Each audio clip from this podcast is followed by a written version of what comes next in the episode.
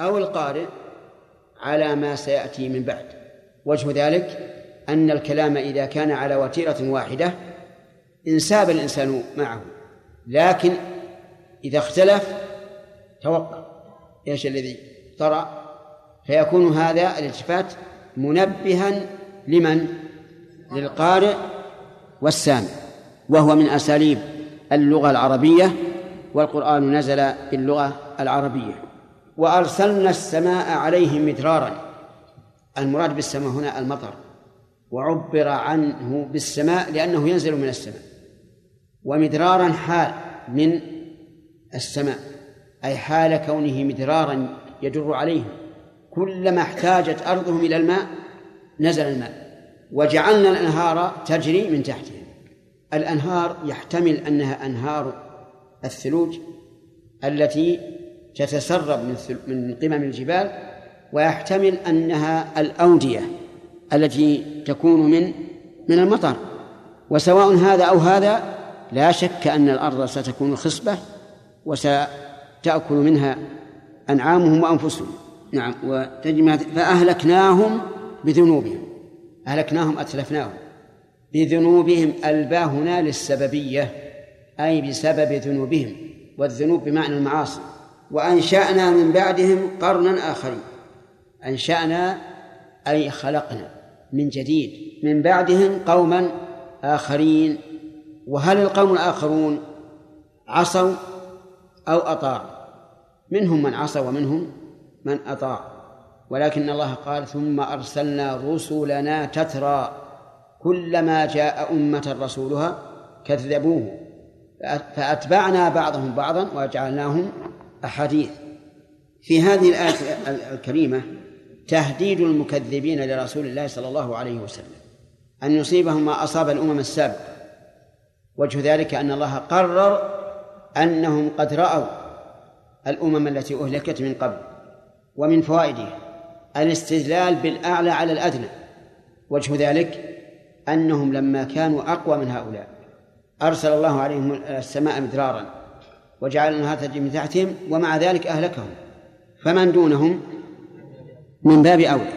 ومن فوائد هذه الآية الكريمة بيان عظمة الله سبحانه وتعالى وغيرته حيث أهلك أولئك القوم مع ما عندهم من القوة والنعمة. ومن فوائد هذه الآية الكريمة أن ما يحصل من النعم واندفاع النقم فإنه من الله عز وجل. لقوله مكناهم في الأرض. ومن فوائد الآية الكريمة إثبات الأسباب. إثبات الأسباب لقوله أهلكناهم بذنوبهم. ومن فوائدها أن الذنوب من أسباب الهلاك. ولكن هل المراد الهلاك الحسي؟ يعني أن يموت الناس أو يفقد الأموال أو ما أشبه ذلك. أو يشمل الهلاك الحسي والمعنوي الذي هو موت القلوب. نعم. الثاني ولا نعم. كلاهما. يعني يشمل هذا وهذا. ولذلك قال الله تعالى فإن تولوا فاعلم أنما يريد الله أن يصيبهم ببعض ذنوبهم. فجعل توليهم من أسباب الذنوب. ومن فوائد هذه الآية الكريمة آه، تمام قدرة الله تبارك وتعالى وسلطانه حيث يهلك أقواما وينشئ آخرين لأن الأمر أمره عز وجل والملك ملكه والسلطان سلطانه فهو سبحانه وتعالى يفعل ما يشاء من إهلاك وإنشاء. ثم قال تعالى مبينا عتو هؤلاء المكذبين للرسول صلى الله عليه وعلى آله وسلم فقال ولو نزلنا عليك كتابا في قرطاس فلمسوه بأيديهم لقال الذين كفروا. لو هنا شرطية. بدليل وجود فعل الشرط وجواب الشرط. أين فعل الشرط؟ نزلنا. وجواب الشرط؟ لقال الذين كفروا. ولو نزلنا عليك الخطاب للنبي صلى الله عليه وعلى آله وسلم كتابا في قرطاس يعني كتابا عاديا يدركه الناس فلمسوه بأيديهم يعني لم يتخيلوه من بعد بل هو بين أيديهم يلمسونه نازلا من السماء. إلى الرسول صلى الله عليه وسلم وقول لمسوه بأيديهم إذا قال قائل وهل هناك لمس بغير اليد؟ فالجواب إن شئت فقل نعم لأن الإنسان يمس بقدمه ويمس بلسانه ويمس بكل أجزاء جلده وإن شئت فقل إن اللمس يكون باليد لكنها ذكرت اليد هنا من باب التوكيد. كقوله تبارك وتعالى وما من دابة في الأرض ولا طائر يطير بإيش؟ بجناحين. ومعلوم أن الطائر لا يطير إلا إلا بجناح. نعم. فلمسوه بأيديهم لقال الذين كفروا هذا الجواب. لقال الذين كفروا إن هذا إلا سحر مبين. هنا إظهار في موضع الإضمار. إظهار في موضع الإضمار. أين هو؟ لقال الذين كفروا. ولم يقل لقالوا إشارة إلى نعم إلى شيئين. الشيء الأول التسجيل على هؤلاء بالكفر يعني الحكم عليهم بالكفر. الثاني أن من قال مثل مثل قولهم فهو كافر. ففيه فائدتان فائدة متعدية وفائدة لازمة. الفائدة اللازمة هي الحكم عليهم بالكفر. والمتعدية أن من قال قولهم فهو كافر. لقال الذي كفروا إن هذا إلا سحر مبين. إن هنا نافية. بدليل قوله إلا وهي إذا أتت بعدها إلا فهي للنفي. وقد تكون للنفي وإن لم تأتي بعدها إلا لكن إذا أتت بعدها إلا فهي للنفي. إن تأتي نافية كما هنا وتأتي شرطية مثل إن تكفروا فإن الله غني عنكم وتأتي مخففة من الثقيلة كقوله إن هذان لساحران. لأن أصل إن هذان لساحران أصلها إن هذان لساحران. وتأتي زائدة كما في قول الشاعر بني غدانة ما إن أنتم ذهب. والتقدير ما أنتم ذهب لكنها جاء بها للزيادة زائدة. وهذا ليس بغريب. هذا مما يدل على أن اللغة العربية واسعة خلافا لمن قال إنها ضيقة لأن معانيها أكثر من ألفاظها. نقول كون الحرف الواحد أو الكلمة الواحدة تأتي بمعنى متعدد هذا يدل على مرونة اللغة العربية لا على قلة مواردها. ولا شك أنه إذا كانت اللغة مرنة كان ذلك أوسع للمتخاطبين بها وأيسر عليهم. إن هذا المشار إليه الكتاب في القرطاس. إلا سحر مبين. السحر كل شيء خفي يسمى سحر. مأخوذ من السحر الذي هو آخر الليل والغالب أن آخر الليل يكون خفيا. الناس لا يخرجون من بيوتهم فيكون هناك خفاء في الأمور التي تحدث. لكنه في في الاصطلاح هو عبارة عن عقد ورقى وأدوية تصدر من الساحر بواسطة الشياطين. كما قال الله تبارك وتعالى في سورة البقرة واتبعوا ما تتلو الشياطين على ملك سليمان. وما كفر سليمان ولكن الشياطين كفروا يعلمون الناس السحر وما أنزل على الملكين ببابل. يعني ويعلمونهم ما أنزل على الملكين ببابل هاروت وماروت. هذان اسمان للملكين وما يعلمان من أحد حتى يقولا إنما نحن فتنة فلا تكفر. ولذلك دائما قصدي كثيرا ما يكون السحر مرتبطا بالجن حتى إنه يتكلم الجني ويقول إني أنا لا أستطيع أن أخرج لأني مسحور. لكن إذا أراد الله عز وجل عثر على السحر وأتلف ثم برئ المريض. وقوله مبين بمعنى بين ظاهر. وذلك لأن بان وأبان يأتيان بمعنى واحد. تقول بان الصبح وأبان الصبح. أبان رباعي وبان ثلاثي. بان يقال بين وأبان يقال مبين. على أن أبان تأتي متعدية لا بمعنى بان. مثل أن تقول أبان الحق أبان الأمر لي بمعنى أظهره.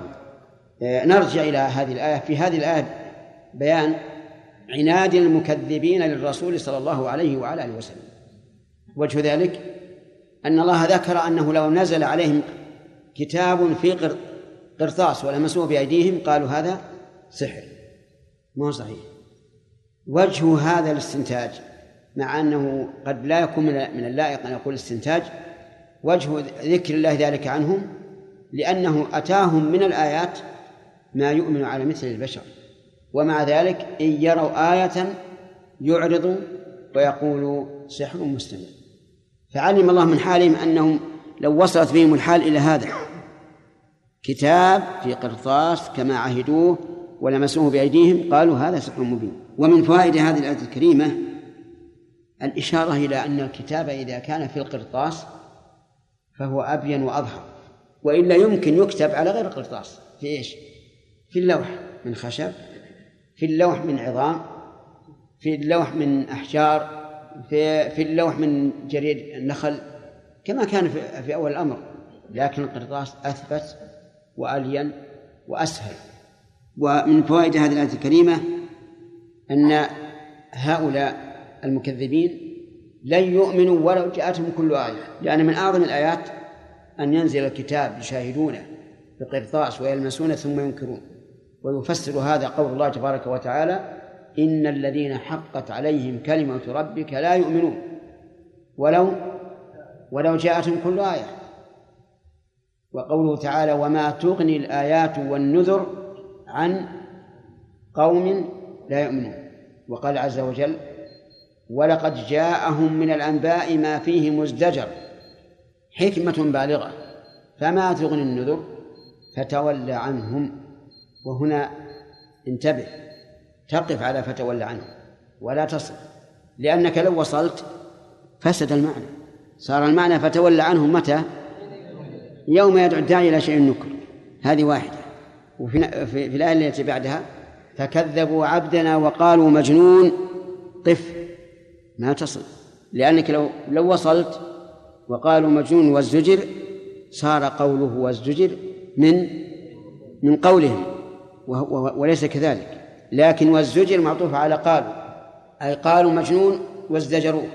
ومثل هذه الأشياء في الواقع يا أخوانا يجب الإنسان ينتبه لها لأن القرآن الكريم ليس كالكلام الذي نكتبه نحن أو نقوله نحن نحاول أن يكون الكلام على نسق واحد لكن في القرآن سبحان الله وهو من إعجازه أنك ترى أحيانا الكلمة ليس بينها وبين الأخرى صلة من أجل أن ينتبه المخاطب أو القارئ ويتأمل ويتفكر وهذه نقطة لا يحس بها كثير من الناس. تجد يقرأ قراءة مرسلة ولا ينتبه للمواقف. ونحن تعلمنا هذا من شيخنا عبد الرحمن بن نصر السعدي رحمه الله. كان يقوم بنا في رمضان تراويح والقيام ويقف المواقف اللائقة فنتعجب كيف هذا. وكنا بالأول نقرأها نقرأ القرآن مرسلا ولا نلتفت للمعنى. حتى إن قوله تعالى فويل للمصلين الذين هم عن صلاتهم ساهون. هل تقف على فويل للمصلين؟ تقف. تقف لأن الله جعلها موقفا. فإذا قلت سبحان الله إذا قلت فويل للمصلين كيف؟ نعم. قال الشاعر الملحد ما قال ربك ويل للأولى سكروا بل قال ربك ويل للمصلين. نقول نعم. قاله ولكنه ملحد. ما قرأ آخر آية الآية الثانية. الوقف على فويل للمصلين فيه فائدة. قد لا تظهر لبعض الناس. لأنه إذا سمع القارئ يقرأ فويل للمصلين وقف تجد إيش؟ يشوش. كيف فويل للمصلين؟ ثم تأتيه الذين هم عن صلاتهم سهون فتكون كأنها الغيث نزل على أرض يابسة. وهذا هو السر في, في أن الأولى اتباع الآيات إذا أمكن تقف على كل آية ولو تعلق ما بعدها فيما فيها. طيب من فوائد هذه الآية الكريمة أنه ينبغي الإظهار في موضع الإضمار إذا دعت الحاجة لقوله لقال الذين كفروا. وهذا يقع كثيرا في القرآن الكريم يعني في آيات متعددة مثل قول الله تعالى من كان عدو لله وملائكته ورسله وجبريل وميكال فإن الله إيش؟ عدو للكافرين ما قال عدو له مع أن الآية فإن عدو للكافرين فيها مناسبة ثالثة وهي مراعاة فواصل الآيات فانظر كيف كان في في الإظهار في موضع الإضمار ومن فوائد هذه الآية الكريمة مكابرة أولئك المشركين الذين يكذبون النبي صلى الله عليه وسلم بصرفهم الحق إلى باطل. الحق أنه قرآن من عند الله وهم يصرفونه إلى إلى السحر يصرفونه إلى السحر. هذا السحر الذي قالوه هل هو في بلاغة القرآن وفصاحة القرآن وبيان القرآن أو في كونه أتى لكتاب نزل من السماء فموه على أبصارهم؟ الظاهر أنه يشمل الأمرين يقول هذا مو حقيقة يا محمد. سحرتنا. أو يقولون إنه لبيانه وفصاحته سحرهم. وأيا كان فالجاحد والعياذ بالله يتشبث في كل شيء. نعم. نعم. إيه تقف وقالوا سمعنا وأطعنا. قف ها؟ يختلف. لو قلت سمعنا وأطعنا غفرانك صرت سامعا مطيعا غفران الله وليس كذلك. نعم. سواء قراءة الحزب التي بسرعة جدا أو في أثناء التسميع. هل يراعي الإنسان هذه الوقوف؟ إيش؟ في أثناء التسميع بسرعة أو قراءة الحزب بسرعة من غير تأمل وتدبر هل يعني إي نعم نعم. ينبغي أن يراعي هذا. ينبغي أن يراعي هذا ويقف حتى وإن كان مدرجا. رسم المصحف جديد يكتبون في بعض الأحيان على رأس الآيات. لا. على آخر الآية إيه؟ مع موضع يعني وقت ما لا هذا هذا من من النساخ ما ما ما هم مأثور نعم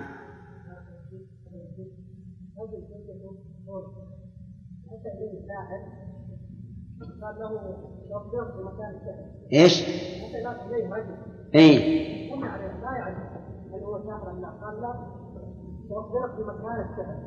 قال سأخبرك؟ نعم يتعامل معه هذا يسمى عند أهل العلم نقض السحر بالسحر. يسمى نقض السحر بالسحر.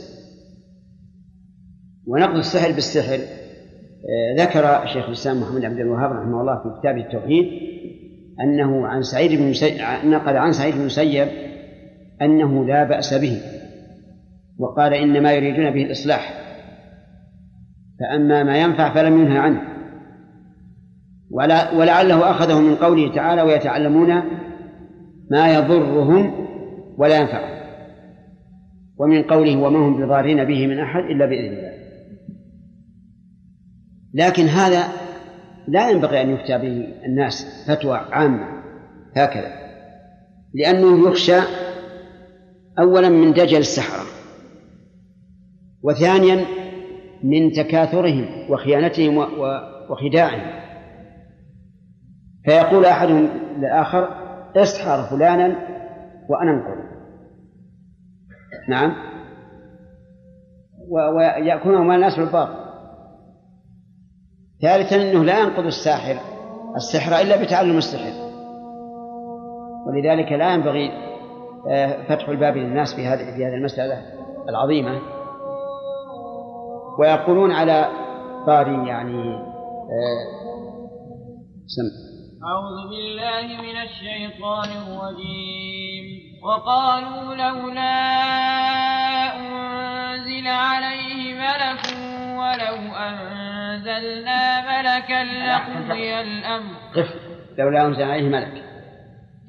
وقالوا لولا أنزل عليه ملك ولو أنزلنا ملكا لقضي الأمر ثم لا ينظرون ولو جعلناه ملكا لجعلناه رجلا وللبسنا عليهم ما يلبسون ولقد استهزئ برسل من قبلك فحاق بالذين سخروا منهم فحاق بالذين سخروا منهم ما كانوا به يستهزئون.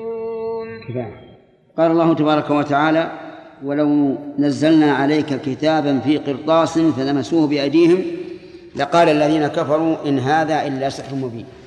من فوائدها علم الله تبارك وتعالى بما سيكون لو كان لأنه علم ماذا سيكون قول هؤلاء؟ لو نزل عليهم كتاب كتاب في قرطاس ومنها تأكيد المعلوم بالمحسوس وإن شئت فقل المعقول بالمحسوس لقوله في قرطاس وقوله لمسوه لأن هذا تأكيد بشيء محسوس ينظر أنه في قرطاس ويلمس باليد ومن فوائد هذه الآية أن هؤلاء كفار لقوله لقال الذين كفروا إن هذا إلا سحر مبين. وكان مقتضى السياق أن يقول لقالوا لكنه أظهر في موضع الإضمار. والإظهار في موضع الإضمار له فوائد. منها الحكم على مرجع الضمير بما يقتضيه الوصف الظاهر. الحكم على مرجع الضمير بما يقتضيه الوصف الظاهر. إيش الوصف الظاهر معنى الذين كفروا. مرجع مرجع الضمير لو كان ضميرا أولئك المكذبون. الفائدة الثانية القياس بمعنى أن كل من قال قولهم فهو كافر. لأنه لو قال لقالوا ما استفدنا أن أن من قال مثل قولهم يكون كافرا بالنص. فإذا كان ظاهرا هذا الوصف قسنا عليه كل ما مات له أو كل ما اتصف بهذا الوصف. ومن فوائد هذه الآية الكريمة أن للسحر تأثيرا. وهل التأثير يكون بقلب الحقائق أو بالتخيل على الحواس؟ الجواب الثاني. وإلا فإنه لا يقلب الحقائق. فالعصي والحبال التي ألقاها سحرة فرعون لم تنقلب حيات ولكن خيل للراعين أنها حيات وإلا فهي على حقيقتها عصي وحبال. وبهذا نجمع بين قول من قال إنه لا يؤثر وقول من قال إنه يؤثر. فيقال أما تأثيره بقلب الحقائق فهذا لا يمكن لأنه لا يقدر على ذلك إلا الله عز وجل. وأما تأثيره بالتخيل فإنه يمكن لأن التخيل في الواقع مرض مرض في الإدراك والمرض ينتج من السحر لأن السحر أيضا أحيانا يسحرون الإنسان حتى يكون مريضا أو يختل ذهنه أو ما أشبه ذلك. ثم قال الله عز وجل وقالوا لولا أنزل عليه ملك. قالوا أي المكذبون للنبي صلى الله عليه وعلى آله وسلم لولا أنزل عليه ملك أي هل لا أنزل عليه ملك ليكون ذلك مصدقا له؟ وهذا الاقتراح اقتراح تعنت وإلا فقد جاء النبي صلى الله عليه وعلى آله وسلم بآيات واضحة. ولا أعظم من أنهم لما طلبوا آية أراهم انشقاق القمر انشق القمر نصفين وشاهدوه. وهذا تغيير في الأفلاك فهي من أكبر الآيات. لكن قولهم هذا من باب التعنت والتحدي والإعجاز. لولا أنزل عليه ملك والملك واحد الملائكة. ولو أنزلنا ملكا لقضي الأمر ثم لا ينظرون يعني لو أنزلنا ملكا لانتهى الأمر بنزول العقاب بهم. لأن الأمم السابقة إذا اقترحت آية معينة ثم أعطوا الآية المعينة التي طلبوها ثم لم يؤمنوا أخذوا بالعقاب بدون إمهال. ولم تؤخذ قريش بآية انشقاق القمر لأنها لم تطلب هذه الآية المعينة. بل قالوا يا محمد أرنا آية فأراهم انشقاق القمر. هكذا قال أهل العلم. أما إذا اقترح المكذبون للرسل آية معينة ثم جاءت ولم يؤمنوا نزل بهم العذاب. وقول لقضي الأمر أي لقضي شأن هؤلاء وذلك بإهلاكهم. ثم لا ينظرون أي ثم لا يمهلون بل يعاجلون بالعقوبة والعياذ بالله.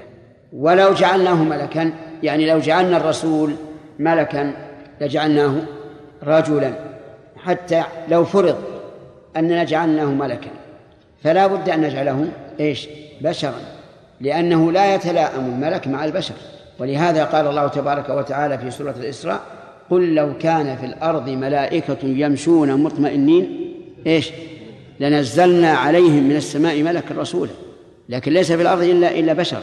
ولا يمكن أن أن نرسل إليهم ملائكة لأن ذلك لا لا يناسب. لو جعلناه ملكا لجعلناه رجلا. وحينئذ يبقى الإشكال. ولهذا قال ولا لبسنا عليهم ما يلبسون. أي خلطنا عليهم الأمر كما خلطوه على أنفسهم. آه، نستفيد من هذه الآية فوائد. منها تعنت المكذبين للرسل. وطلبهم آيات مع أن الآيات كانت موجودة لكنهم متعنتون.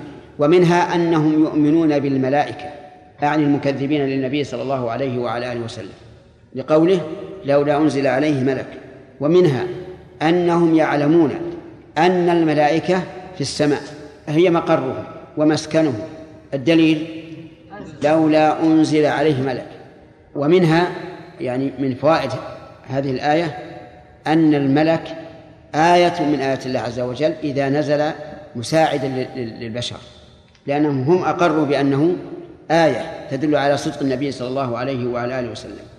ومنها أن الله سبحانه وتعالى يرد على المعاندين بمثل ما عاندوا به ويحذرهم من اقتراح الآيات لقوله ولو نزلنا ملكا لقضي الأمر ومنها ما أشرنا إليه أن المكذبين للرسل إذا اقترحوا آية معينة ولم يؤمنوا عجلت لهم العقوبة. ومن فوائد الآية الثانية أن الله تعالى لو أراد أن ينزل ملكا لم ينزل ملكا بصورته الملكي الملكية ولجعله إيش؟ رجلا لماذا؟ من أجل التناسب تناسب الرسل والمرسل إليه ومنها حكمة الله تبارك وتعالى في إرسال الرسل من البشر من أجل الركون إليهم وقبولهم بل إن الله تبارك وتعالى يجعل الرسل من أوساط الأقوام وأشرافهم وأفاضلهم حتى يحتموا بهم وهذا لا يضر. أن يجعل الله تبارك وتعالى للرسل من يحميهم من أقوامهم. ويدل لذلك قول قوم شعيب له ولولا رهطك لرجمناك. مما يدل على أن الإنسان إذا كان من القوم صار له شأن كبير وهيبة. ويدل لعكس هذا قول لوط عليه السلام لو أن لي بكم قوة أو آوي إلى ركن شديد يعني إلى قوم يكونون عمادا لي. ومن فوائد الآية الكريمة حسن المحاجة في القرآن الكريم وهو أنه لو جاء الأمر على اقتراح هؤلاء لم يكن على ما اقترحوا أي لم يكن ملكا. لماذا؟ لعدم المناسبة بين الرسول والمرسل إليه.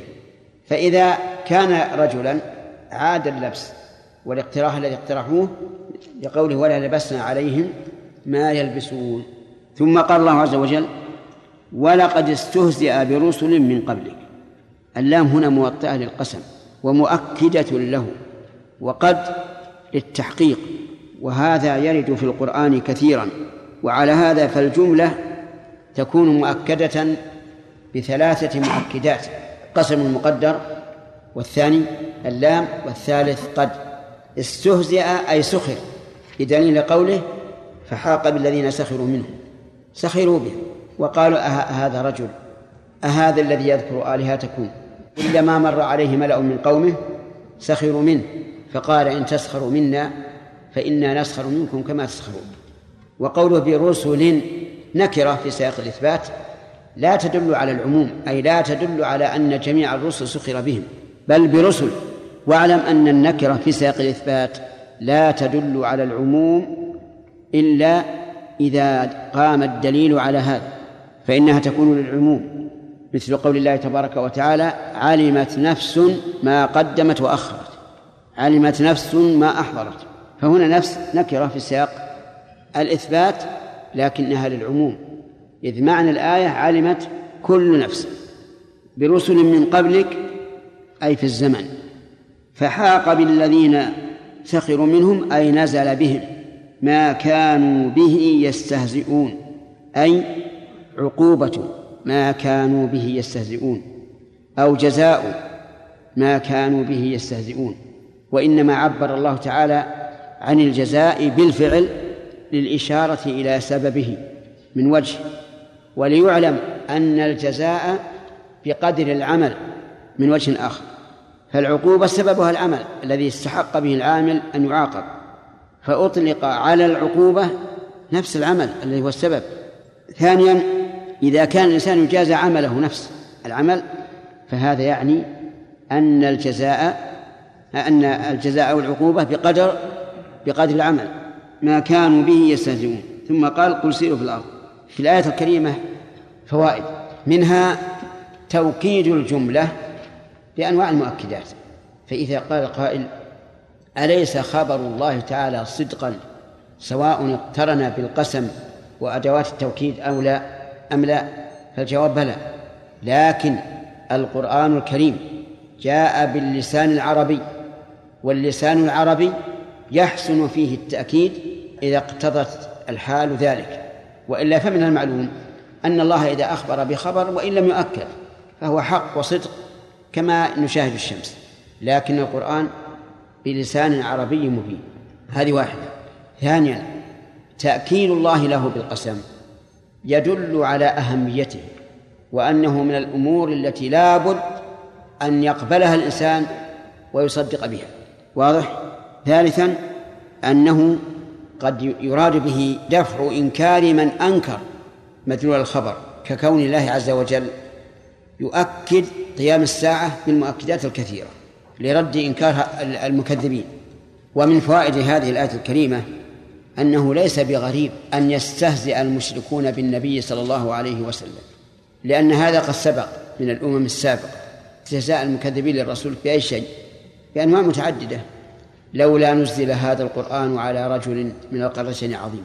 كأنهم يقولون محمد لا لا يستحق هذا. وكما في قولهم أهذا الذي يذكر آلهتكم؟ والاستفهام هنا للتحقيق. يعني من هذا الرجل الذي يذكر آلهتكم بالسوء؟ ليس بشيء وليس له قيمة. ومنها وصفهم إياه بأنه مجنون مخرف وما أشبه ذلك. ومن فوائد هذه الآية عناية النبي عناية الله تبارك وتعالى بنبيه صلى الله عليه وعلى آله وسلم حيث ينزل عليه من القرآن ما يسليه به. وجهه أن ذكر هذا أعني استهزاء الأمم السابقة برسلها تسلية لرسول الله صلى الله عليه وعلى آله وسلم.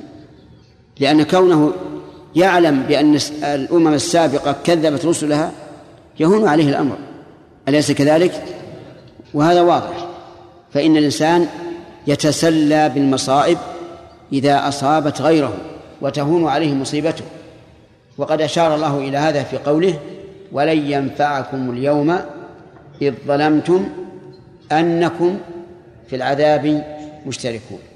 مع أنه لو كان في الدنيا واشترك الناس في العذاب لهان عليهم ونفعهم وحملهم على الصبر لكن في القيامة لا, لا ينفع. ومن فوائد هذه الآية الكريمة تهديد المكذبين للنبي صلى الله عليه وعلى آله وسلم. من أين تؤخذ؟ فحاق بالذين سخروا منهم ما كانوا به يستهزئون. يعني فاحذروا أيها المكذبون لمحمد صلى الله عليه وعلى آله وسلم المستهزئون به. ومن فوائد الآية الكريمة الإشارة إلى أنه لا رسول بعد محمد. انتبهوا هل هل يمكن أن تؤخذ من الآية أو لا؟ نعم. أي لا الواقع أنه ليس بواضح. لأن في رسل من قبلك هذا تسلية الإنسان بما مضى. ولا يمنع لو كان ممكنا أن يوجد رسل آخرون بعد الرسول صلى الله عليه وسلم. إذن ليس في يدنا على هذا.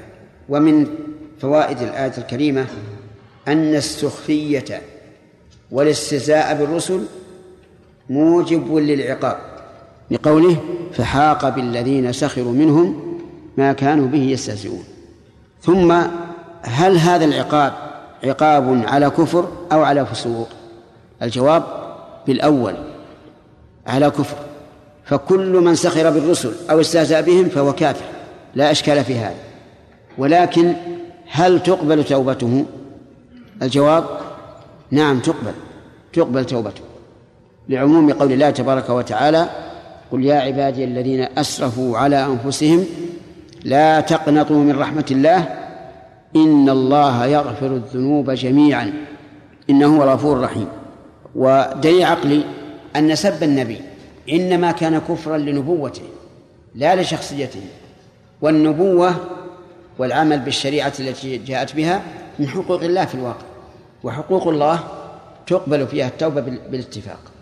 فالصحيح أن من سخر بالنبي أو استهزأ به فإنه إذا تاب إلى الله توبة نصوحا ارتفع عنه وصف الردة وصار مسلما وارتفع عنه القتل لكن إذا سب الرسول إذا سب الرسول فهل إذا تاب وقبلنا توبة ارتفع عنه القتل أو لا؟ نعم في خلاف. فمن العلماء من قال إنها تقبل توبته. وذلك لأن سب الرسول ليس سبا شخصيا وإنما السب منصب إيش؟ على النبوة والرسالة والنبوة والرسالة من حق الله فتقبل. نعم فلا يقتل. ما دمنا قبلنا توبته. واختار الشيخ الإسلام ابن تيمية رحمه الله أنها تقبل توبته ولكنه يقتل حدا. وعلل ذلك بأن سب النبي عليه الصلاة والسلام عدوان على شخصه وعلى رسالته لا شك. فعلى فعلى رسالته نقول إيش؟ تقبل التوبة. وأما على شخصه فلا بد أن أن نثأر لنبينا صلى الله عليه وسلم ونأخذ بالثار ونقتله فيتحتم قتل ساب الرسول صلى الله عليه وعلى آله وسلم وإن قبلنا توبة الساب. إذا ما الفائدة إذا قلنا تقبل توبته ويقتل؟ الفائدة أنه يقتل مسلما يغسل ويكفن ويصلى عليه ويرثه أقاربه المسلمون ويبقى على حكم الإسلام. بخلاف ما إذا قلنا إنها إنه مرتد فلا يكون فلا يثبت له هذا الحكم. فإن قال قائل أليس قد وجد من سب النبي صلى الله عليه وعلى آله وسلم في حياته وتاب وقبل النبي صلى الله عليه وعلى آله وسلم توبته؟ فالجواب بلى لأن الحق له فإذا عفى عنه فله الحق. هذه من جهة. من جهة أخرى ترغيبا له في التوبة ترغيبا له في التوبة. رفع عنه القتل. ثالثا أنه إذا تاب فسيكون من أصحاب النبي صلى الله عليه وعلى آله وسلم. وقد قال النبي صلى الله عليه وعلى آله وسلم حين استؤذن في قتل المنافقين لا يتحدث الناس أن محمدا يقتل أصحابه. أما بعد موته فكل هذه العلل منتفية فيجب على أمته أن يقتلوا من سبه عليه الصلاة والسلام. ومن فوائد الآية الكريمة أن المعاصي سبب للعقوبة لقوله ما كانوا به يستهزئون وأن العقوبة بقدر العمل ولذلك عبر به عنها. وهذا من عدل الله عز وجل أن العقوبة بقدر العمل. أما المثوبة فالحسنة بعشر أمثالها إلى سبعمائة ضعف إلى أضعاف كثيرة.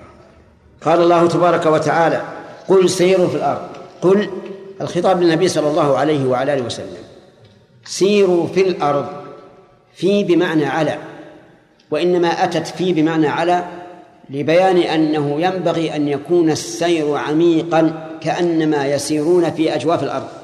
سيروا في الأرض. وهل السير هنا بالقلوب أو بالأقدام؟ الجواب يحتمل هذا وهذا. فالسير في القلوب أن يتأمل الإنسان ما جرى للأمم السابقة بما صح من تاريخهم وأصح تاريخ للأمم السابقة ما جاء في القرآن أو صحت به السنة أو بأقدامكم سيروا في الأرض بأقدامكم بأن ينظروا آثار المكذبين المهلك المهلكين. كما في قول الله تعالى وإنكم لتمرون عليهم مصبحين وبالليل. أفلا تعقلون؟ فصار السير هنا. يشمل السير بالقلب والسير بالقدم لأجل الاعتبار. فانظروا كيف كان عاقبة المكذبين. انظروا بأعينكم أو ببصائركم. يعني بأبصاركم أو بصائركم. إذا قلنا السير بالقلب فالمراد انظروا بالبصائر. وإذا قلنا بالقدم فالمراد بالبصر. وينبني على ما ما سبق. كيف كان عاقبة المكذبين؟ كيف هذه خبر كان مقدم؟ ويتعين أن يكون مقدما لأنه اسم استفهام. واسم الاستفهام له صدر الكلام. لأنه هو المقصود بالجملة. وإذا كان المقصود بالجملة كان حقه أن يقدم. ولهذا إذا قلت أين زيد تعين أن تكون أين؟ خبرا مقدما. ولا يجوز أن تقول زيد أين. فكيف في محل نصب؟ خبر كان مقدم. وعاقبة اسمها مؤخر. مؤخر باعتبار تقديم الخبر وإلا هو في مكانه. كيف كان عاقبة المكذبين؟ فماذا كانت؟ كانت أسوأ عاقبة والعياذ بالله. دمرهم الله عز وجل. وجعلهم مثلا للآخرين يعتبرون به. في هذه الآية الكريمة فوائد. منها الأمر بالسير في الأرض للاعتبار. سواء كان بالبصائر أو بالبصر أو بالأبصار. لقول السير في الأرض. ويتفرع على هذه هذه الفائدة أنه ينبغي أن نقرأ تاريخ الأمم السابقة. من أي مصدر؟ من القرآن وصحيح السنة. قيد لأن من الأحاديث الضعيفة أو الموضوعة عن الأمم السابقة ما لا يحصيه إلا الله عز وجل والعبرة بالصحيح. وما أكثر الأحاديث التي فيها الأخبار عن الأمم السابقة.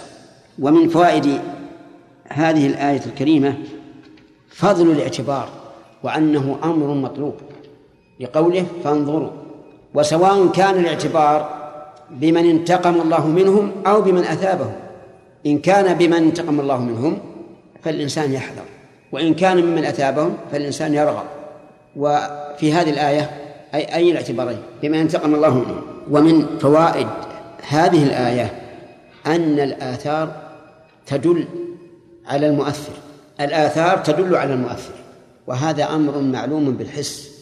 والواقع. سئل أعرابي بما عرفت ربك. قال الأثر يدل على المسير يعني على السير والبعرة تدل على البعير. فسماء ذات أبراج وأرض ذات فجاج وبحار ذات أمواج. ألا تدل على السميع البصير؟ الجواب بلى والله تدل على السميع البصير. فالآثار تدل على المؤثر. ومن فوائد هذه الآيات الكريمة عقوبة المكذب والتكذيب أحد شقي ما يحصل به الكفر لأن الكفر يحصل بأمرين إما التكذيب وإما الاستكبار. مع أن التكذيب فرع عن الاستكبار لأنه ما كذب إلا أنه يرى أنه فوق المرسل. إن قال قائل يشكل على قولكم إن السير يشمل السير بالقدم لينظر بالبصر يشكل عليه أن النبي صلى الله عليه وعلى آله وسلم نهى عن دخول ديار المكذبين أو المهلكين. فالجواب أنه عليه الصلاة والسلام لم ينهى عنها مطلقا بل نهى عنها عن أن ندخل فرحين بطرين معجبين بالآثار وما أشبه ذلك. أما أن ندخل معتبرين باكين خائفين فلا. ولهذا قال لا تدخلوا على هؤلاء المعذبين إلا أن تكونوا باكين. فهناك فرق. بين إنسان يدخل هذا هذه الديار ليعتبر ويخاف ويبكي وإنسان آخر يدخلها للبطر والأشر والنزهة والإعجاب بالآثار الأول محمود والثاني مذموم وبذلك يزول الإشكال. ثم قال الله عز وجل قل لمن ما في السماوات والأرض؟ اسأل هؤلاء المكذبين المنكرين لتوحيد الألوهية لمن ما في السماوات والأرض؟ ألزيد أو لعمر أو لفلان أو لفلان. ثم أمره تبارك وتعالى أمر نبيه صلى الله عليه وسلم أن يجيب عن هذا السؤال بنفسه. فقال قل لله. وهنا نقول هل الجواب من الله أو من الرسول؟ الجواب من الرسول بأمر الله. وعلى هذا يكون الجواب جواب الله عز وجل لأن الله أمر الرسول أن يقول هكذا قل لله. كتب على نفسه الرحمة كتب بمعنى أوجب أوجب لأن الكتابة بمعنى الإيجاب. قال الله عز وجل يا أيها الذين آمنوا كتب عليكم الصيام كما كتب على الذين من قبلكم. كتب من إيش؟ فرض وأوجب. وقال الله تعالى إن الصلاة كانت على المؤمنين كتابا موقوتا أي فريضة مؤقتة. كتب على نفسه الرحمة. على نفسه أي على ذاته ونفس الله هي ذاته وليست صفة بل هي الذات. قال الله تعالى ويحذركم الله نفسه. ليس المعنى يحذركم صفة هي نفسه بل المعنى يحذركم الله إياه أي ذات الله عز وجل. فليس الصفة بل هي الذات. ومعنى يحذركم أن يحذركم من. نفسه. معنى يحذركم نفسه أن يحذركم الله من عقابه لأنه جل وعلا أمرنا أن نعلم علما مهما. فقال اعلموا أن الله شديد العقاب وأن الله غفور رحيم. فأمرنا أن نعلم هذا العلم المهم الذي فيه الترغيب والترهيب. ترهيب يا يحيى في أي في أي جملة؟ اعلم أن الله شديد العقاب. ها؟ هذا التحذير. وأن الله غفور رحيم هذا الترغيب فأمرنا سبحانه وتعالى أن نعلم عن أفعاله وصفاته تحذيرا وترغيبا. هنا قال ويحذركم الله نفسه لأن المقام مقام تهديد وعقوبة يخاطب المشركين المكذبين. وقول الرحمة يعني أن يرحم عباده عز وجل. فرض هذا على نفسه ولهذا جاء في الحديث الصحيح القدسي إن رحمتي سبقت غضبي. رحمة الله بالعباد فرضها الله على نفسه لسنا الذين فرضناها عليه بل هو فرضها على نفسه فإن قال قائل إننا نجد من الناس من أصابه البؤس والبلاء وفقد وفقد المال وفقد الأولاد وهو في غاية البؤس أين الرحمة؟ فالجواب كل ما أصاب الإنسان من شيء من بلاء وهو مؤمن فإنه إيش؟ رحمة لأنه إذا صبر أثيب ثواب الصابرين وإذا احتسب أثيب ثواب الشاكرين فهو خير له. وكم من أناس لو أنهم رزقوا صحة ومالا وأولادا لبطلوا وأفسدهم الغنى. وكم من أناس بالعكس كل شيء يصيب المؤمن والحمد لله فهو رحمة وكفارة. حتى لو أن الإنسان فزع من شيء قابله كتب له بذلك أجر. اللهم لك الحمد. حتى جاء في الحديث لو أن الإنسان فقد شيئا في جيبه مثلا ثم فزع أن خاف أن يكون ضاع مثلا فله أجر إلى هذا الحد. إذن هذه رحمة. وما أحسن قول رابعة العدوية؟ إن حلاوة أجرها أنستني مرارة صبرها. والآلام والبؤس والتعب والهم والغم في الدنيا كله يزول. إما أن يزول إلى ضده وإما أن يصل بصاحبه إلى هلاك ولا بد أن يزول لكن الأجر باقي. فإذا قال قائل الكافر الكافر فالجواب أن نقول إن الكافر هو الذي فوت الرحمة على نفسه مع أن لله عليه رحمة بما يسره له من الأكل والشرب والنكاح والمسكن وما أشبه ذلك. ثم قال عز وجل لا يجمعنكم إلى يوم القيامة لا ريب فيه. صدق الله. لا يجمعنكم هذه أيضا جملة مؤكدة ويعرفنا صالح بن هارون. ثلاث مؤكدات. القسم المقدر واللام الواقع في جواب القسم ونون التوكيد والتقدير. والله لا يجمعنكم. الخطاب للخلق. لا يجمعنكم أيها الناس. كلكم. كما قال عز وجل قل إن الأولين والآخرين لمجموعون إلى ميقات يوم معلوم. الله أكبر. نجمع مع آبائنا وأجدادنا وأجداد أجدادنا إلى آدم. كلنا نجمع. وكذلك ذرياتنا. الأولون والآخرون مجموعون كلهم إلى يوم القيامة. لما شبه المكذبون بالبعث بقولهم ائتوا بآبائنا إن كنتم صادقين. قيل لهم قل الله يحييكم ثم يميتكم. إيش؟ ثم يجمعكم إلى يوم القيامة. أنتم ما قيل لكم إنكم الآن تبعثون حتى تحتجوا. وتقولوا هاتوا آبائنا بل قيل لكم إنكم مجموعون ليش؟ ليوم القيامة لا ريب فيه. وقوله لا يجمعنكم إلى يوم القيامة. يوم القيامة هو اليوم الآخر. وسمي بهذا لأمور ثلاثة. هذا الذي علمناه والله أعلم إن كان وراء, شيء. لأمور ثلاثة. الأول قيام الناس من قبورهم لرب العالمين. وهذا القيام قيام عظيم يا إخوان. كل العالم بصيحة واحدة يحضرون كلهم لا يتخلف أحد. وهذا قيام عظيم جدا جدا جدا. حتى الذي أكل أكلته السباع أحرقته النار أغرقه الماء لا بد أن يخرج. وسمي أيضا قيامة لأنه يقام فيه العدل يقتص حتى للشاة الجلحة من الشاة القرنة هذا اثنين. الثالث تقام فيه الأشهاد الذين يشهدون. هذه الأمة تشهد على الأمم السابقة. والرسول صلى الله عليه وعلى آله وسلم يكون شهيدا على هذه الأمة. فلهذه الأمور الثلاثة سمي يوم القيامة. طيب إذا قيل ما هو الدليل؟ قلنا أما الأول فدليله قول الله عز وجل يوم يقوم الناس لرب العالمين.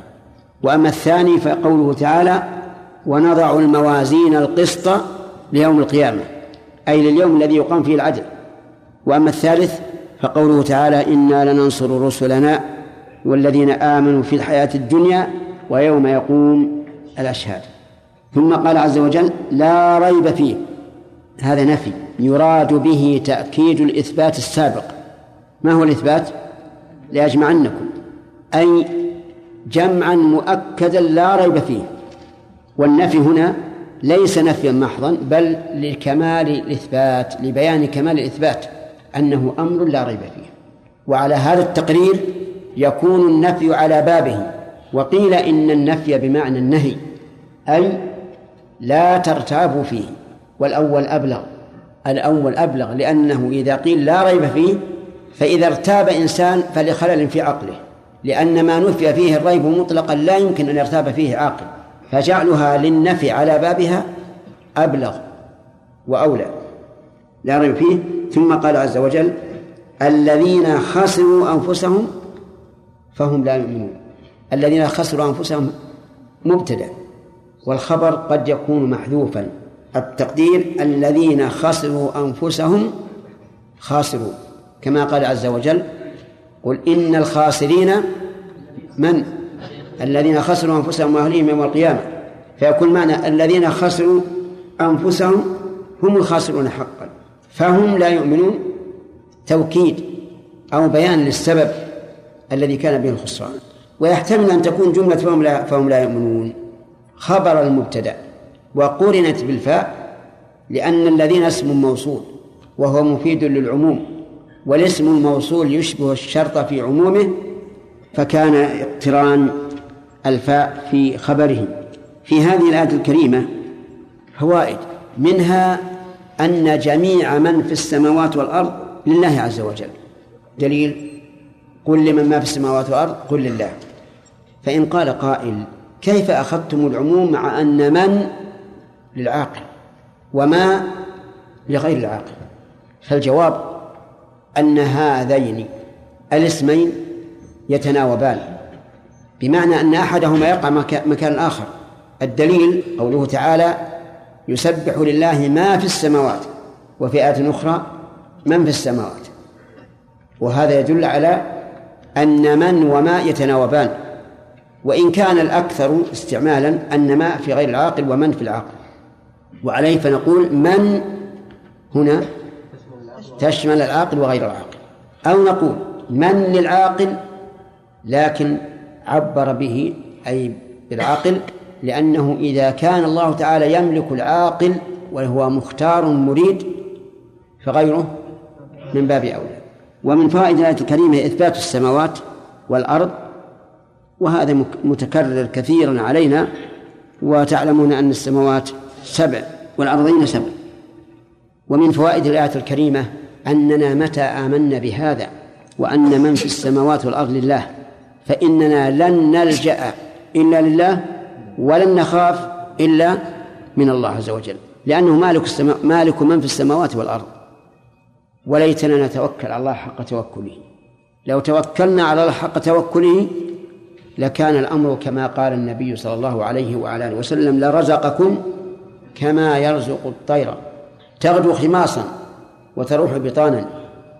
تغدو خماصا أي تطير في في أول النهار وهي جائعة وترجع في آخر النهار وهي ممتلئة البطون سبحان الله.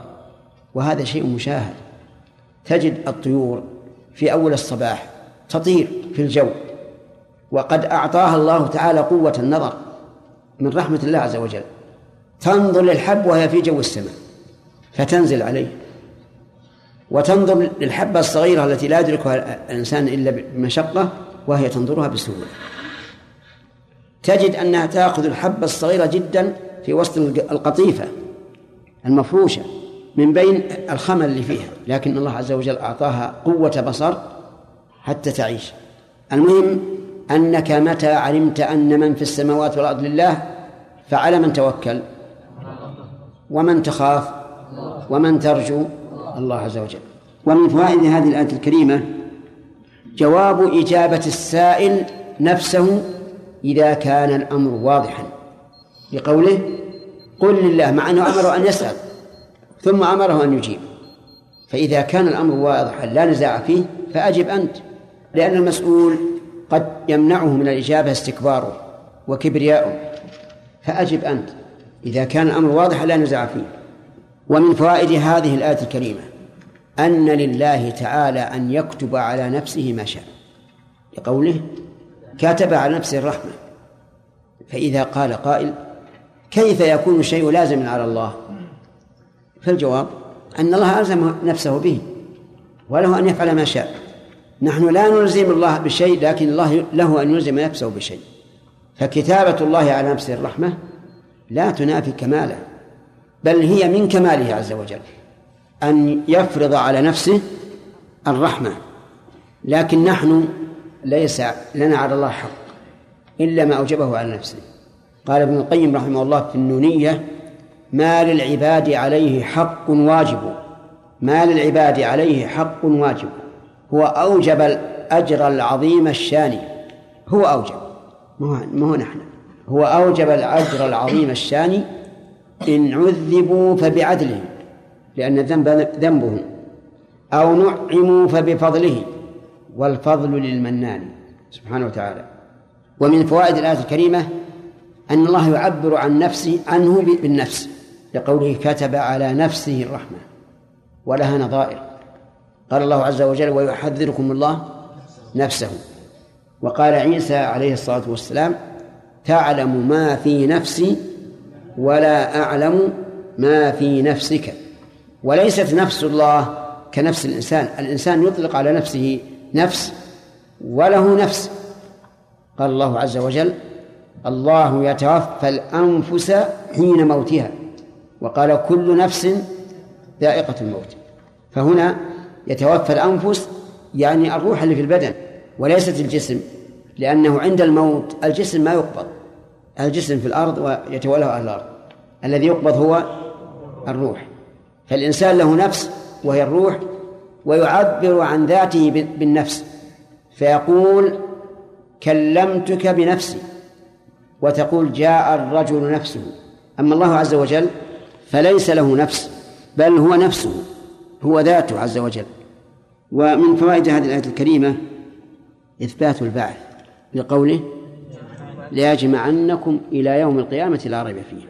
ومن فوائدها تأكيد الشيء بالقسم وغيره من المؤكدات إذا دعت الحاجة إليه. تأكيد الشيء بالقسم وغيره من المؤكدات إذا دعت الحاجة إليه. متى تدعو الحاجة؟ تدعو الحاجة في مواطن. منها إذا كان المخاطب منكرا فهنا يجب أن يؤكد الكلام. يجب حسب البلاغة أن يؤكد الكلام. ومنها إذا كان الأمر بعيدا يستغرب فإنه يؤكد. لكن ليس كالأول. الأول يؤكد وجوبا وهذا يؤكد آه، يؤكد لا مو جوازا. نقول استحبابا لا يعني أوكد من عدمه. يعني توكيده أحسن من عدمه. ونقول استحسانا. كلما دعت الحاجة إلى توكيد الكلام أكد. ولا يعد هذا تطويلا ولا إخلالا بالبلاغة. ومن فوائد الآية الكريمة حكمة الله عز وجل في جمع الأولين والآخرين حتى يكون هذا اليوم يوما مشهودا. كما قال عز وجل واليوم مشهود يشهده الأولون والآخرون. نحن نشهد هابيل وقابيل ونشهد آخر واحد من هذه الأمة. كل العالم مشهودة بل كل شيء مشهود. الجن البهائم الوحوش كل شيء. قال الله عز وجل وما من دابة في الأرض ما من دابة في الأرض ولا طائر يطير بجناحين فوق الأرض. إلا أمم أمثالكم ما فرطنا في الكتاب من شيء ثم إلى ربهم يحشرون. كل شيء.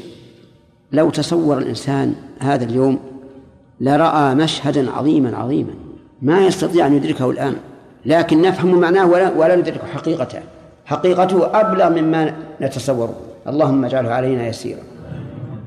ومن فوائد هذه الآية الكريمة تسمية يوم البعث بيوم القيامة للوجوه التي سمعتموها في التفسير. ومن فوائد هذه هذه الآية الكريمة أنه لا ريب في هذا اليوم شرعا وعقلا. شرعا لأن الله أخبر به وأكده وضرب له الأمثال.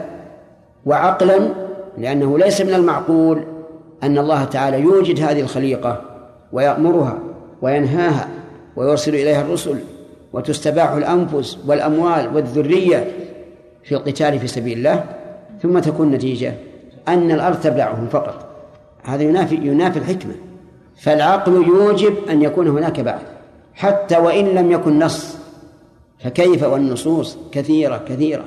ومن رحمة الله عز وجل وله الحمد والفضل والمنة أنه يكثر من إثبات يوم القيامة ويضرب له الأمثال لأن الإيمان باليوم الآخر هو الذي يحمل الإنسان حقيقة على الإيمان. إذ لولا اعتقاد المؤمن أنه سيبعث ويجازى إن خيرا فخير وإن شرا فشر ما عمل. ما عمل أبدا ولا صار صارت الأمة موطنا للسلب والنهب والأخذ والعدوان. من فوائد هذه الآية أن هؤلاء المكذبين خسروا أنفسهم يعني كأن لم يوجدوا على الأرض لأنهم لم يستفيدوا من حياتهم. ولذلك لما لم يستفيدوا من حياة الدنيا لم يستفيدوا من حياة الآخرة. فكانوا مخلدين في نار جهنم والعياذ بالله. ومن فوائد الآية أنه من الفصاحة أن يذكر السبب بعد المسبب. إذا جعلنا جملة فهم لا يؤمنون خبرا. وجه ذلك أن سبب خسرانهم هو عدم الإيمان. فأخر السبب وقدم المسبب.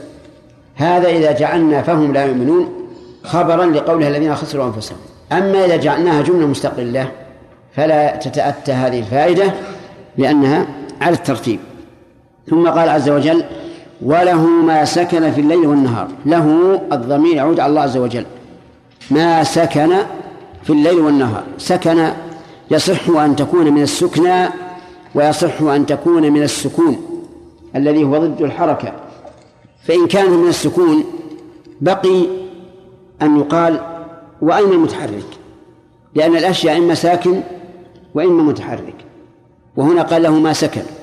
والجواب عن هذا الإشكال أن يقال إن هذا من باب الاستغناء بذكر أحد الضدين عن الآخر ونظيره قول الله تعالى وجعل لكم سرابيل تقيكم الحر وسرابيل تقيكم بأسكم.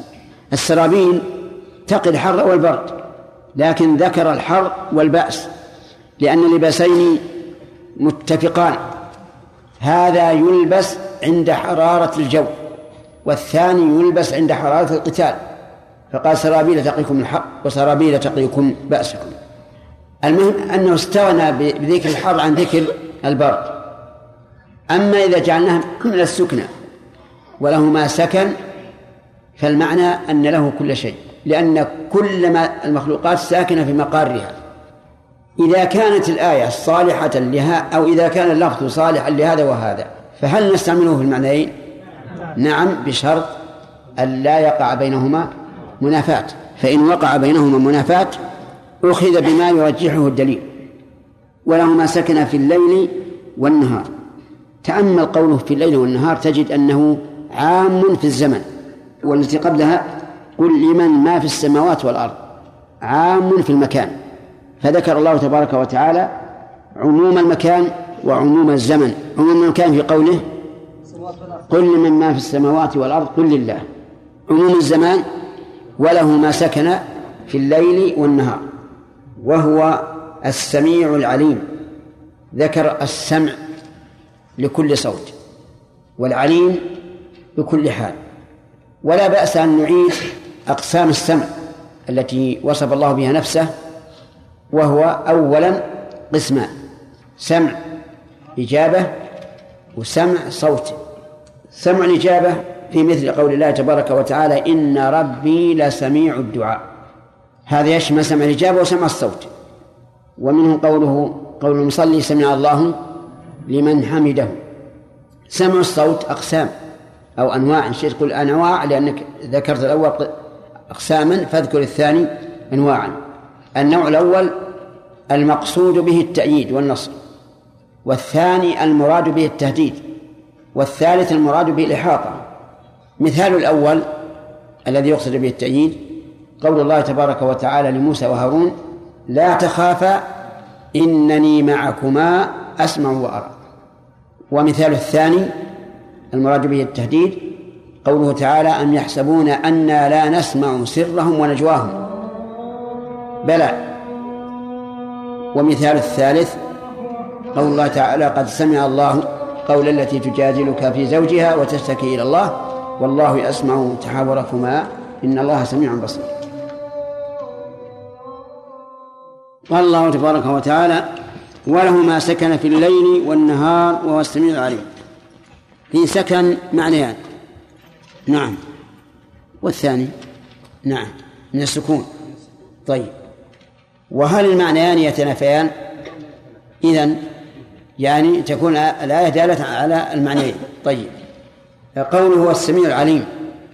المراد بالسمع هنا سمع الإجابة وليس سمع الصوت. نعم. إذن يراد بها المعنيان جميعا. طيب. ما تقول في قول الله تعالى يا سمير؟ إن ربي لسميع الدعاء. من أي النوعين نعم. سمع الصوت والإجابة. لأنه يسمعه ثم يجيبه. هل لديك دليل يا جمال على أن السمع يأتي بمعنى الإجابة أو الاستجابة؟ لغير من القرآن. ولا تكونوا كالذين قالوا سمعنا وهم لا يسمعون. هذا نص صريح. يعني سمعنا يعني الإدراك بالصوت إدراك الصوت. وهم لا يسمعون أي لا يستجيبون وإلا فهم يسمعون بآذانهم. من فوائد هذه الآية الكريمة العظيمة وله ما سكن في الليل اختصاص الله تبارك وتعالى بملك كل شيء وجه الاختصاص تقديم الخبر وله لأن تقديم ما حقه التأخير يفيد الحصر. ولهذا قلنا إن قوله تعالى إياك نعبد توحيد خالص بمعنى لا نعبد إلا إياك.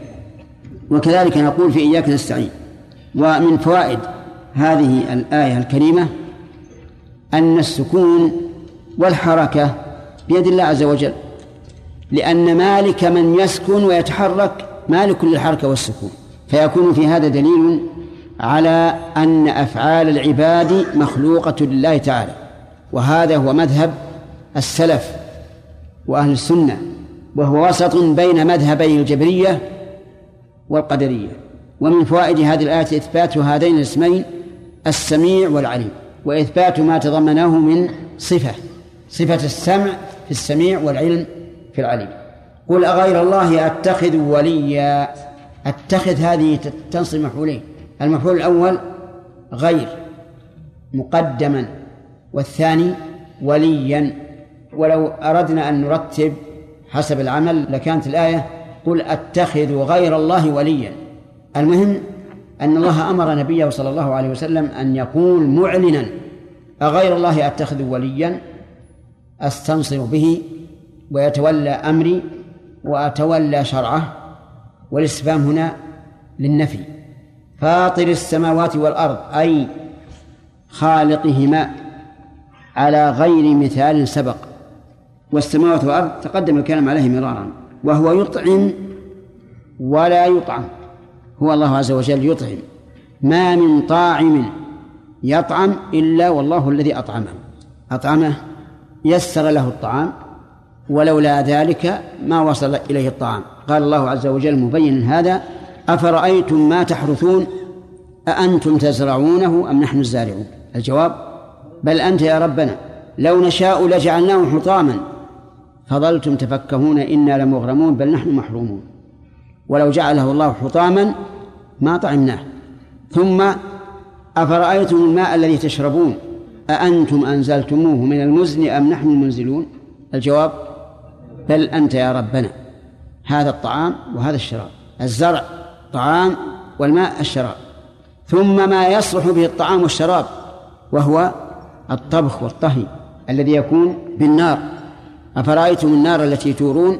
أأنتم أنشأتم شجرتها أم نحن المنشئون إذن الذي يطعم هو الله عز وجل.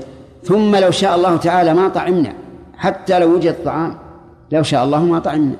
لو شاء الله لم يخلقنا أفواها ولا أمعاء ولا معدات فلا نطعم.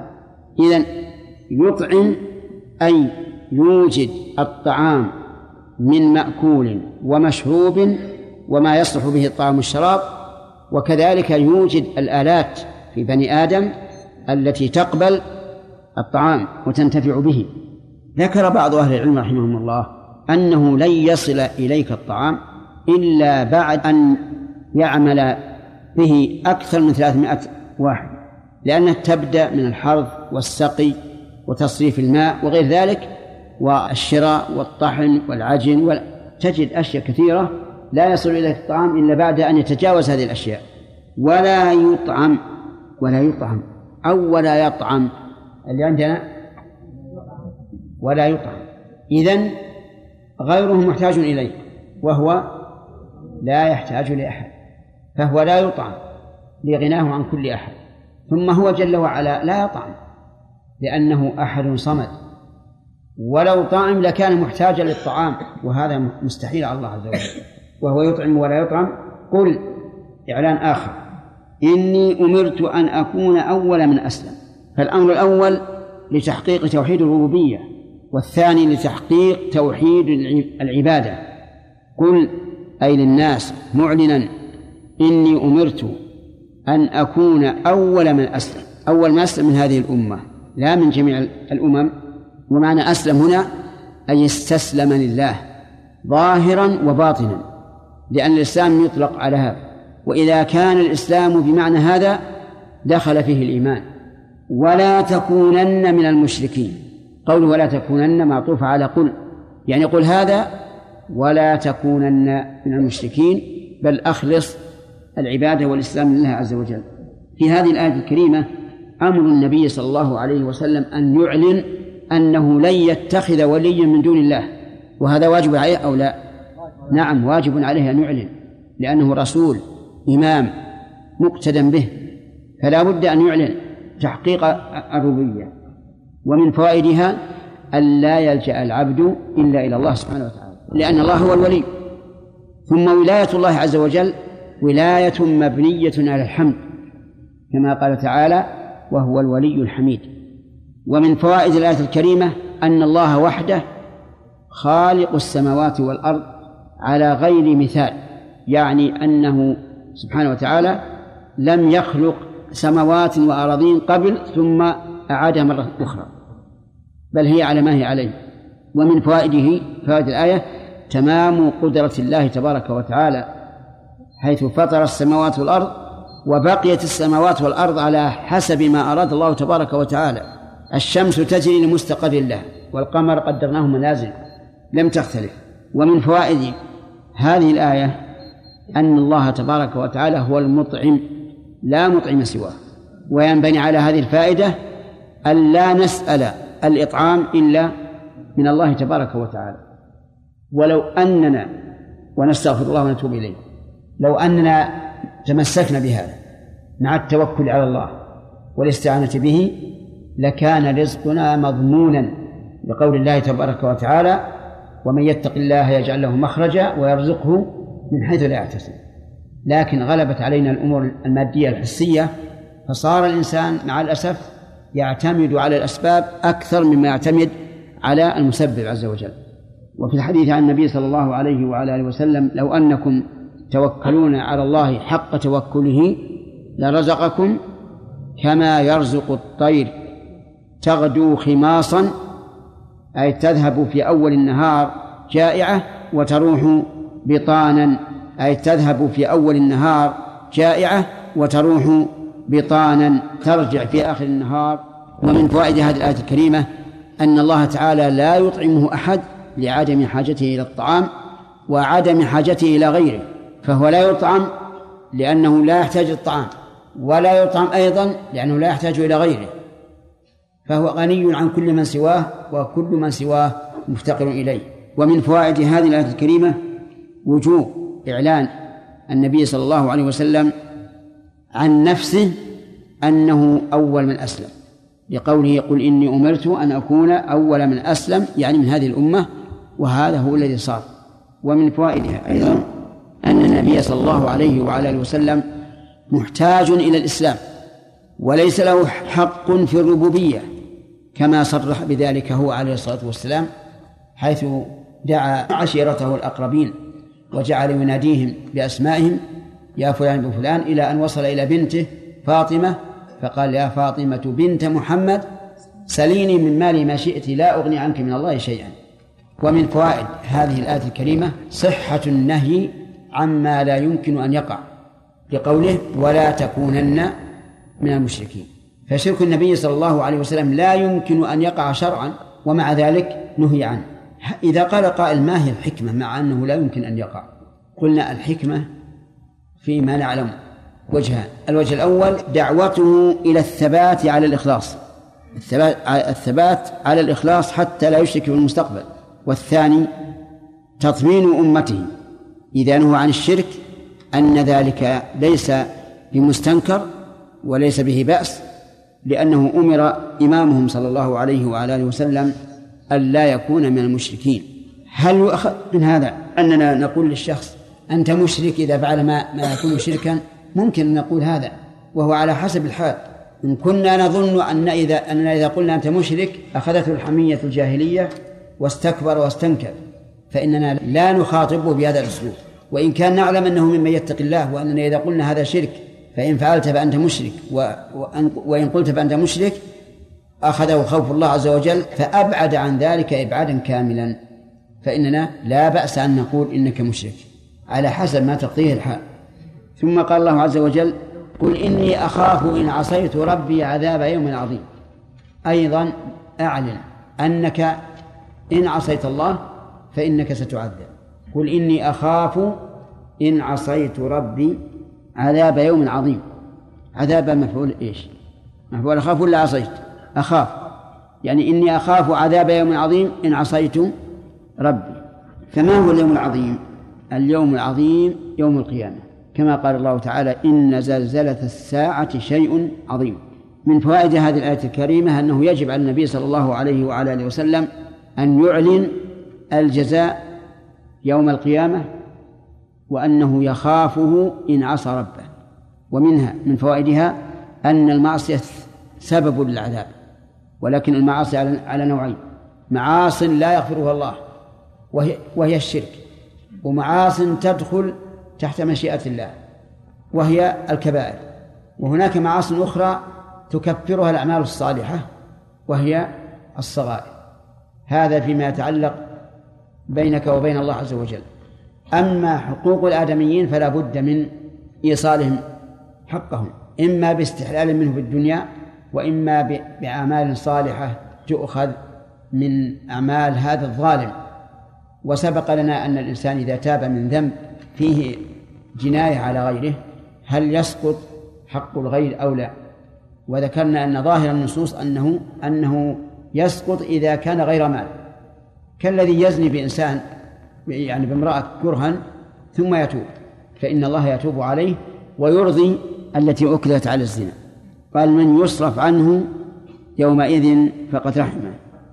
قال الله تبارك وتعالى قل إني أخاف إن عصيت ربي عذاب يوم عظيم. قل أي لهؤلاء وغيرهم معلنا هذا الإعلان المهم. وفي قوله إني قراءتان. إني وإني وهما سبعيتان. وقوله إن عذاب يوم عظيم مفعول أخاف. يعني أخاف من عذاب هذا اليوم العظيم. وأظن أننا شرحنا هذا وفوائده. طيب. من يصرف عنه يومئذ فقد رحمه.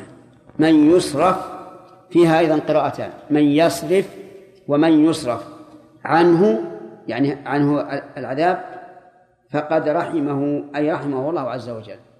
والضمير في قوله رحمه قد يقول قائل كيف نعرف أنه عاد إلى إلى الله عز وجل؟ فيقال لأنه تقدم ذكر إني أخاف أن عصيت ربي عذاب يوم عظيم. من يصرف عنه يعني ربي هذا العذاب فقد رحمه أو من يصرف عنه هذا العذاب هذا العذاب فقد رحمه أي ربي.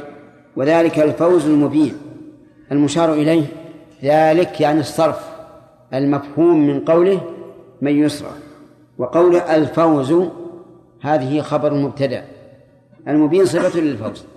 في هذه الآية دليل على أن الفوز الحقيقي هو الذي يحصل بصرف الله العذاب عن الإنسان يوم القيامة.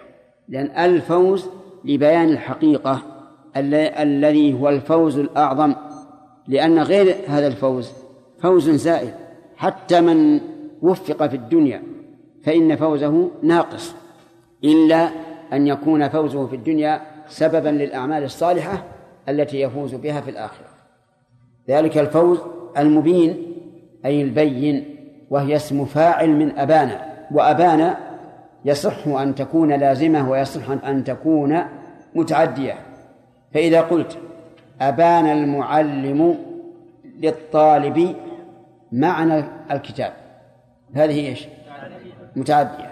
وإذا قلت أبان الصبح بمعنى انجلى فهذه لازمة. إذن المبين هنا بمعنى بين. في الآية فوائد منها فوز من يصرف عنه العذاب يوم يوم القيامة ومنها إثبات الرحمة لله عز وجل بلفظ الفعل لقوله فقد رحمه ورحمة الله تبارك وتعالى من الصفات الذاتية الفعلية فباعتبار المرحوم تكون فعلية وباعتبار كونها وصفا ثابتا لله تكون من الصفات الذاتية والرحمة يكون بها حصول المطلوب والنجاة من المرهوب. فإذا قال قائل هل رحمة الله حقيقية؟ أو هي عبارة عن الثواب أو إرادة الثواب فالجواب هي حقيقية ولكنها ليست كرحمة المخلوق يكون فيها نوع من الضعف ولكنها رحمة الخالق الذي هو فوق عباده عز وجل. وقد أنكر قوم الرحمة وقالوا إن الله لا يوصف برحمة حقيقية لأنها تدل على الرقة واللين وهذا لا يليق بالله عز وجل. فإذا قلنا لهم فسروها لنا قالوا الرحمة هنا عبارة عن آثار الرحمة وهي إما الإرادة وإما الثواب والفضل الذي حصل برحمة الله. فإذا قيل لهم ما الذي حمله على صرف الكلام عن ظاهره قالوا لأن الرحمة على الوجه الذي ذكرنا تدل على الضعف. هذا منتهى تقريرهم. فنقول لهم هذه الثمرة من تقريركم جوابها لدينا سهل جدا وهو أن نقول هذه الرحمة التي ادعيتم أنها تدل على الضعف إنما هي رحمة المخلوق. أما رحمة الخالق فإنها لا تدل على هذا بوجه من الوجوه بل تدل على كمال فضله وكرمه عز وجل. ثم إن لنا أن ننازعكم في دعواكم أن اللين والرقة يدل على الضعف. فكم من ذي سلطان قوي يكون رحيما وهو ذو سلطان قوي يستطيع أن أن يبطش برعيته كما يشاء ويكون رحيما بمن يستحق الرحمة. فنمنع أولا الدعوة ثم لو سلمنا جدلا بأن الرحمة تدل على اللين والرقة فهذه رحمة المخلوق. ومن فوائد هذه الآية الكريمة أن الفوز الحقيقي البين الظاهر هو الفوز من نجاة العذاب يوم القيامة. نسأل الله أن يرزقنا وإياكم ذلك. ثم قال الله عز وجل مسليا رسوله صلى الله عليه وعلى آله وسلم ومثبتا له ومقويا عزيمته وإن يمسسك الله بضر فلا كاشف له إلا هو. والضر هنا يشمل الضر في البدن والعقل والمال وكل ما يكون به الضرر على الإنسان. وكلمة ضر كما تشاهدون نكرة في سياق الشرط والنكرة في سياق الشرط تفيد العموم. أي ضر يصيب يمسك الله به يعني يصيبك فلا كاشف أي لا مزيل له إلا الله عز وجل. وإن يمسسك بخير فهو على كل شيء قدير. والخير هنا المراد به ضد الضرر. من الصحة والعقل والمال والأهل والأمن وشرح الصدر وغير ذلك فهو على كل شيء قدير. قادر على أن يزيل الضرر الذي أصابك إلى خير. وفي الآية الأخرى وإن يمسسك الله بضر فلا كاشف له إلا هو وإن يردك بخير فلا راد لفضله عز وجل. يستفاد من هذه الآية الكريمة أنه ينبغي للإنسان أن يعلق رجاءه بالله عز وجل. لأنه إذا علم مضمون هذه الآية فسوف يعتمد في أموره كلها على الله.